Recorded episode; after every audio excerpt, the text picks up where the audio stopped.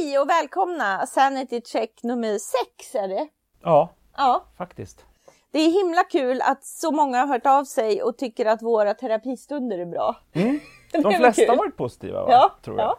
Jo, men jag fick ett jättefint mejl idag Ja, okej. om Ja. eh, vad det faktiskt betyder och hur man delar funderingarna och just uppskattade, kände själv att det var terapeutiskt så man Mm. kunde jobba vidare med det vi sa. Det tyckte jag var jättekul. ja, men det är ju toppen. Ja. Verkligen. Du har fler kompisar än vad jag har.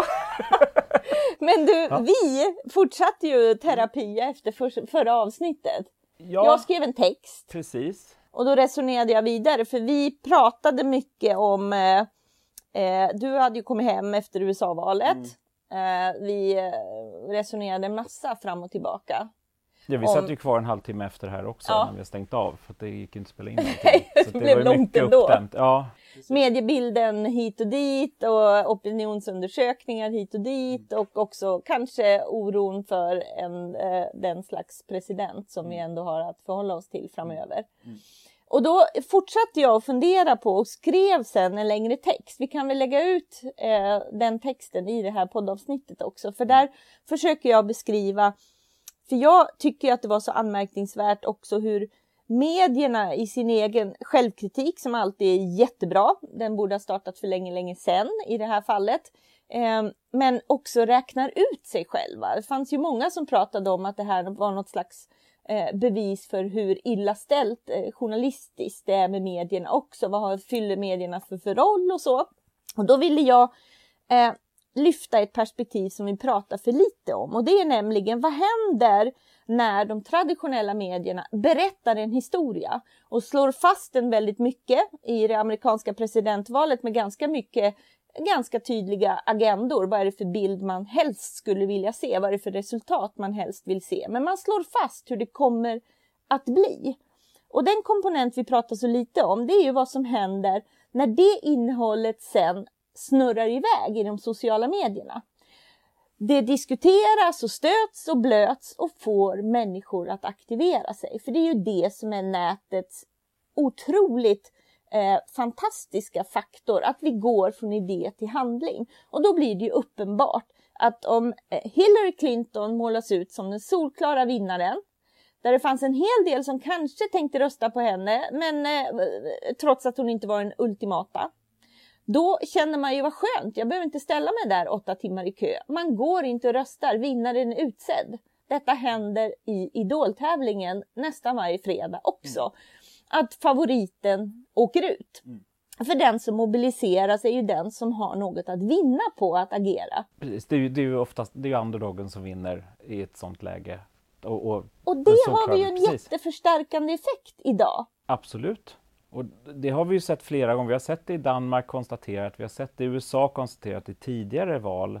Brexit var en stor grundläggande orsak till det, även Colombia-valet faktiskt, där man, där man känner att det är redan klart, men skönt att slippa jag rösta. Ja. Valdeltagandet går ner bland de grupper man förväntar sig ska rösta.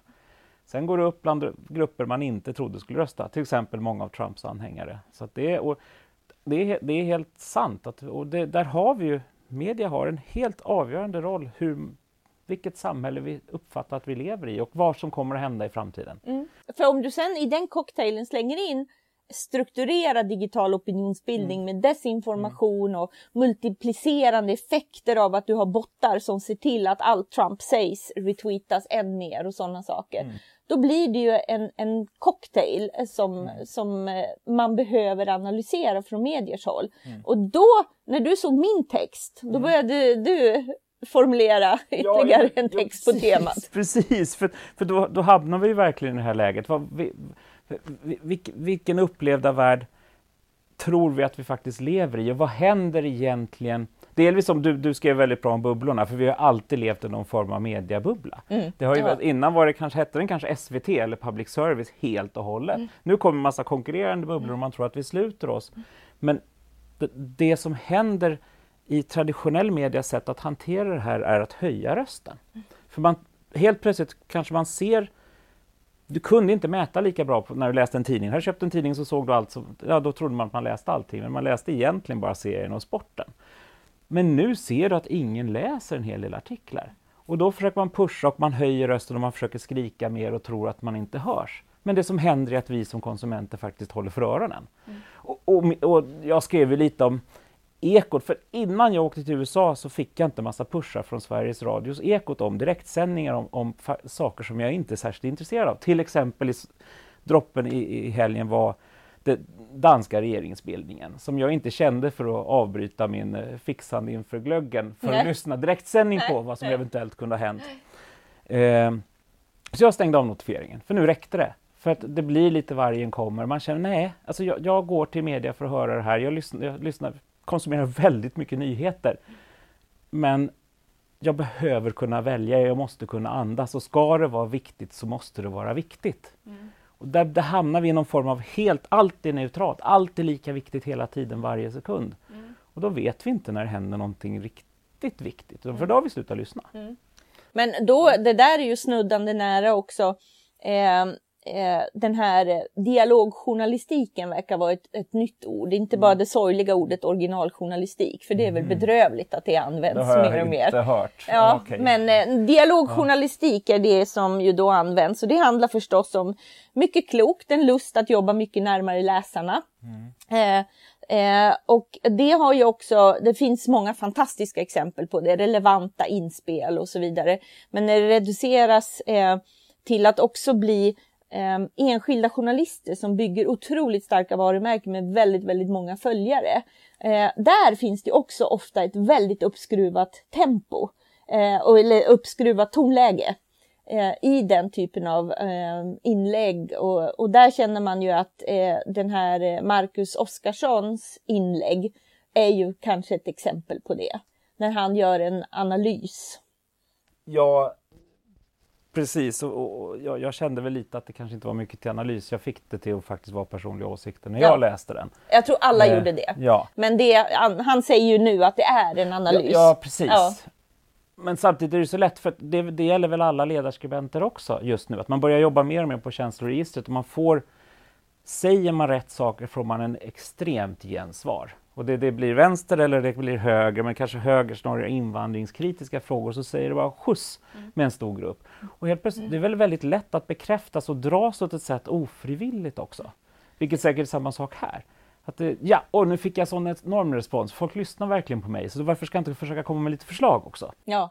Och då är frågan. Ja. ja. och det där tror jag är, när man har fått den typen av, eh, jag kommer inte ens ihåg, otroligt många delningar, mm. otroligt många kommentarer. Och går man tillbaks och tittar hela tiden i, i ett par inlägg tillbaka så är det ju inte alls den typen av delningar eh, som finns på många utav hans Eh, eh, kommentar eller Facebook-statusar. Och det där, jag tror att det är en eh, sån eh, jättehärlig cocktail att faktiskt upptäcka den här enorma delningen. Så att det blir bara mer och mer uppskruvat och, och mer och mer åt det hållet. Och särskilt när det är eh, när det inte är mediehuset i sig själv som avsändare utan det är den här typen av bygga upp egna kanaler. Mm. Men helt plötsligt hamnar man i ett åsiktsfack också. Ja. Och sen, sen, kommer allt man säger framåt att värderas utifrån de åsikterna man har ventilerat på ett eller annat sätt. Ja. det finns ju många exempel. Det finns många kvällstidningsreportrar på Twitter som har dragits med rätt rejält tror jag. Där. Mm. Men de flesta har ju klarat sig, på, kanske, men jag tror samtidigt man blir mer och mer en seriefigur. Och det där tror inte jag är jättebra utifrån det journalistiska jobbet. Nej, alltså det, i, i, i slutändan, jag tror att man hela tiden underskattar att människor i grunden är väldigt smarta. Mm. Och även om mycket av de här sakerna som jag funderade över i, i kölvatten på det som har hänt de senaste veckorna när vi diskuterade lätt blir lite dystopiskt. Man blir lite hopplös. I, i, man känner att det är lite hopplöst på många sätt och vis så eh, kommer jag ihåg när jag intervjuade Snowden förra veckan så var ju han helt övertygad om att vi kommer ju ifrågasätta mer. Om vi har sett de här fejknyheterna och om vi börjar fundera över vad blir impacten av dem så kommer vi reagera mer, kräva tydligare avsändare och sådana saker. Alltså en väldigt hoppfull inställning till att det mm. sker en sanering. Mm. Men resan dit just nu är lite smärtsam för att det är som du säger, det är väldigt känslostyrt, känslor före fakta. Och det är svårt att vara den här tråkiga som bryter den trenden. Allt är liksom maxat. Det är ett högt tonläge och det är väldigt stora ord och det är mord och död och det är analyser som är mer personliga åsikter. Och det här med analys, det har ju skett jätteofta på senaste tid. Det här, alltså, väldigt många artiklar inleds med ordet analys kolon och sen är det någon som har tyckt något. Ja. Det, det händer hela tiden nu och oftast är det inte experten inom det området utan det är liksom analys kolon, det kommer snöa imorgon. Mm. Alltså det är verkligen, jaha. Eh, och när det egentligen är gissningar om framtiden eller det kan vara andra saker. Och där har riktigt blivit gått inflation i. Mm. Vet, och där ja. tror jag att man behöver som en expert själv eller om man har fått den här eh, unika eh, publiken som man har en nära dialog med, att man är oerhört varsam med den positionen man har. Och det är väldigt lockande, det har du, jag tror, du och jag har mm. pratat om det tidigare, mm. det är mm. väldigt lockande att vi, både du och jag har hamnat i rollen expert, mm. bett om en analys, mm. men egentligen ber om en gissa om framtiden. Ja.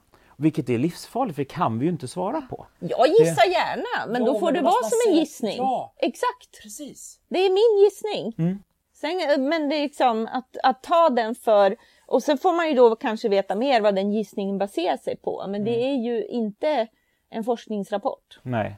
Men, men, vet ni hur, vet du hur det tolkas? För att om det blir så, för det har jag sett mm. flera exempel på det här där experten blivit mm. lockad att tala om framtiden, mm. sen slår inte det in. Jag tror Ulf Bjäreld, han, han siade om eh, decemberöverenskommelsen, han skrev en debattartikel och sen hann den ligga ute i en och en halv timme, sen fick han fel. Men det landar inte i att här har vi en, en, någon människa som faktiskt haft lite bråttom och vilja gissa någonting. Mm. Utan det blir så här, men herregud, inte ens experten vet vart det här landet är på väg. Det är ett herrelöst skepp. Det är så det landar hos mottagaren. För att vi har ett högt förtroende. Om media höjer upp någon till expert, mm. då är det en expert. Mm. Vem som helst får inte vara i nyheterna. Det vill citera min son också, men alltså, varför inte det här någon nyhet? För det har ju hänt, det är jätteviktigt, men jo, för så fort det är en nyhet, då är det på riktigt. Och det här finns djupt inom oss. Mm.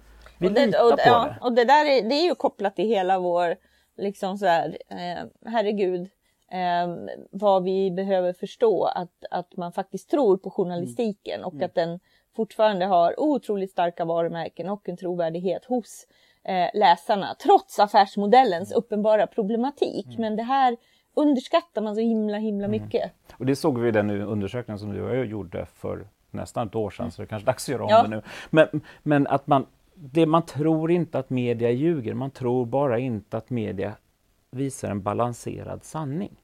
Så det är inte lögner, det är bara vinklat.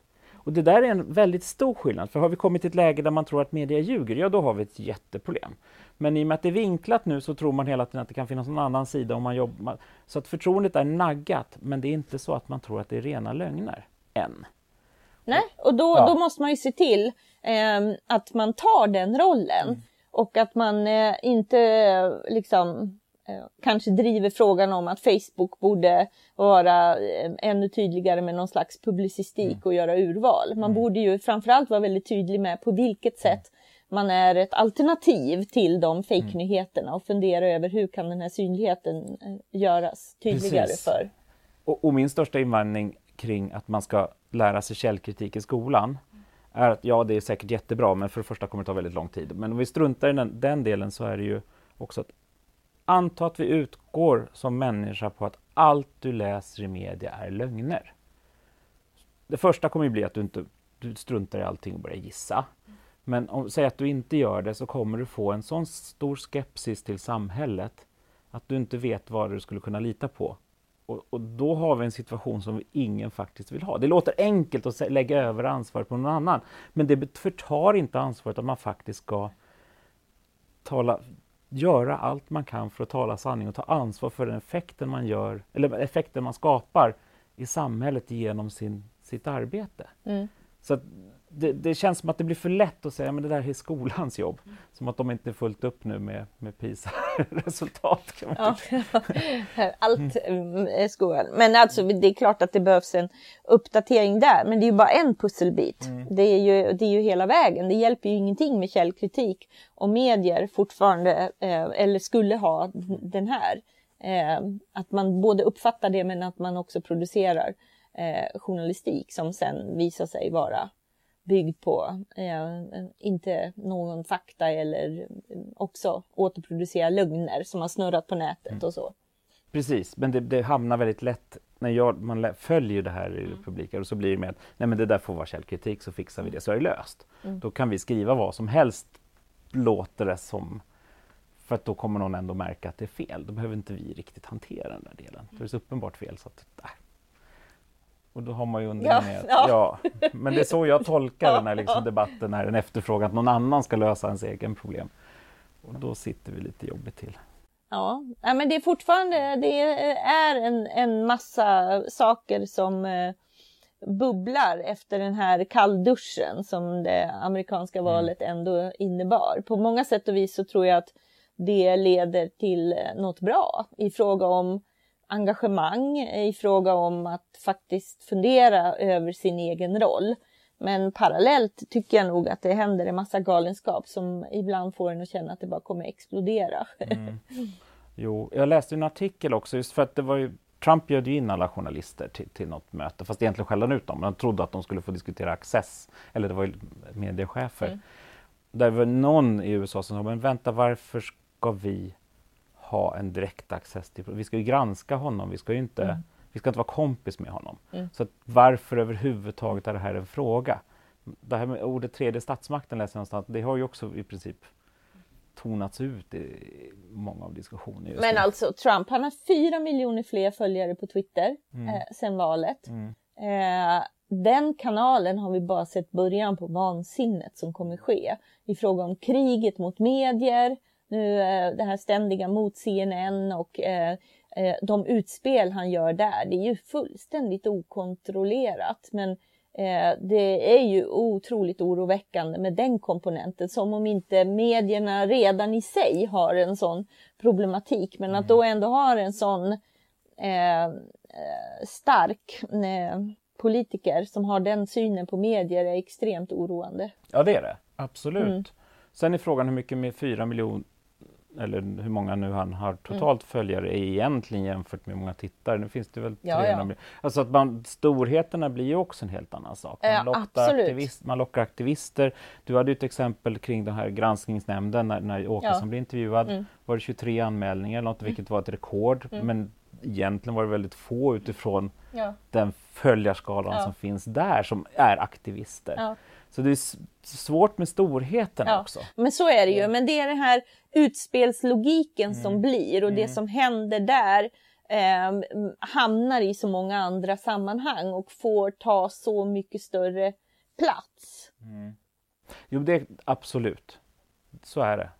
Och, och att kunna runda media. Det är ju inte en dialog med sina 16 miljoner nej. följare, men det finns eh, det är inte det, utan det är hur det sen plockas upp i andra sammanhang mm. och, och eh, mer för att man får en insyn i synen på medier till exempel. Mm. Och den där intervjun du refererar till, mm. eh, det delar jag såg av den så var det också så förbluffande över att inga relevanta frågor ställdes mm. till honom. Det var mm. inte journalister som mötte en president. Jag vet inte vad det var för slags eh, terapisamtal Nej. eller något. Jag det, det var, skulle ju vara något off the record möte för att diskutera accessen till presidenten. Ja. Och redan där var det väl konstigt ja. att alla de stora mediehusen går med på ett off the record-möte med presidenten. Mm.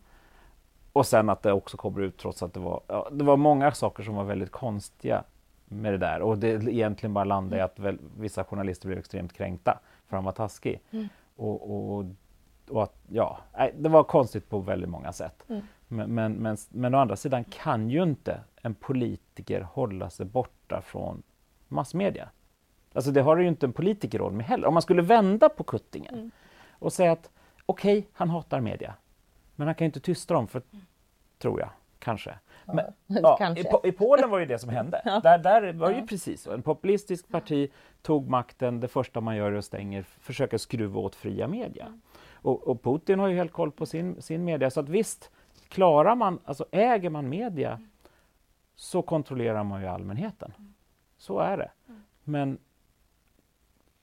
media är ju inte ett tyst offer i en fri demokrati som man nog ändå måste kalla USA. Även om de är på 20 plats i rankingen. Eh, vi är på tredje så vi är väldigt ja, bra. Ja. Eh, Ryssland är på 130 plats tror jag. Eh, men, men, men måste, men skulle man då återta sin position, då, men strunta i att han hatar er. Mm. Gör ett jobb, bevaka honom, tyck inte om Men han honom. släpper ju inte in då. Han kommer ju säkert, jag tror att han kommer välja väldigt godtyckligt vem som Ja. får access eller inte. Och alltså mm, en- den typen av företeelser. Men det måste man väl kunna hantera som Mm. ett, en, en riktig redaktion. Det händer väl egentligen hela tiden. Exklusiva intervjuer med Snowden, Mm. kanske. Vem som helst kan inte ringa honom när som helst. Att det, det här händer ju hela tiden, men det betyder ju inte att man inte kan granska samma Nej. person. Så att då får man väl bara acceptera och förhålla sig och det kanske är bättre. Mm. Det är kanske är bättre att inte vara kompis Mm. med den man ska granska. Men, Men eh, eh, det, det är en massa saker som ändå kräver verkligen så här känslan. Håll i hatten och förstå vad som är angeläget nu. Och då är det ju inte att ge sig in i den här snurriga medielogiken. Jag skrev ju där att det är ju ingen trumpifiering utan vi har en presidentkandidat som har haft öppet mål i den nya medielogiken att utnyttja det liksom fullt ut och då eh, lära sig av det och fundera på vad behöver vi göra nu? Och det är ett par alternativ som handlar om eh, liksom mindre känsla, mer fakta eh, och, och verkligen tona ner. Eh, Precis, för är inte post-truth? För Mm. det är det man hävdar att man är, men det är ju för att debatten har fått ta mer plats än granskningen. Men det kan man ju ändra på igen. exakt. Det finns ju ingen som helst sanning att Mm. Nej. känslo eller, eller Nej. åsiktsjournalistiken ska vara den allenarådande. Ja, det kanske är jättemycket delningar, men Mm. är det delningar vi vill ha? Exakt så. Exakt så. Det, för vi vet ju också om vi tittar på Almedalsrapporten att det som delades mest, och det Mm. var en nyhet nu också, att ja, det var artiklar för eller emot Sverigedemokraterna. Eller om flyktingfrågan, vilket sammanföll rätt mycket. Men det är faktiskt inte det som berör... Jo, flyktingfrågan må göra det, men aktivism är inte samma sak som nyhetskonsumtion. Och här blandas det ihop hej vilt. Och en delning gör man inte för att dela senaste rapportsändningen. Det är inte så det funkar. Nej, nej. Utan det förväntar man sig, man sig nog fortfarande att alla redan har sett. Om, inte inbrott, om det inte är en jordbävning när man försöker på riktigt få folk att faktiskt aktiveras av en nyhet. Men att se skillnaden på de där, det, det måste man reflektera mycket, mycket mer av, över. Men det var väl det som du säger, Trump körde rakt genom hela grejen. Det var, Och det kan vi ju bara lära oss av eh, där tror jag. Och jag tror att det också ur det eh, eh, blir bra grejer. I, eh, vi har i alla fall i, i ett svenskt sammanhang tid att ändra på en massa, massa saker. Och inte helt lamslås av eh, det som händer i, eh, i den politiska världen. Mm. ja. Mm. Kanske vi ska bryta nu innan vi pratar för länge den här gången också. Ja, precis. Om vi inte har Ja. något annat akut. Men det snurrar någonstans där fortfarande för att det Ja. är så himla mycket. Så det är väl bra att bryta där och Mm. Säga till folk. Hör av Ja. er Ja. eh, om era egna terapisamtal just nu. Mm. Tack och hej! Tack så mycket.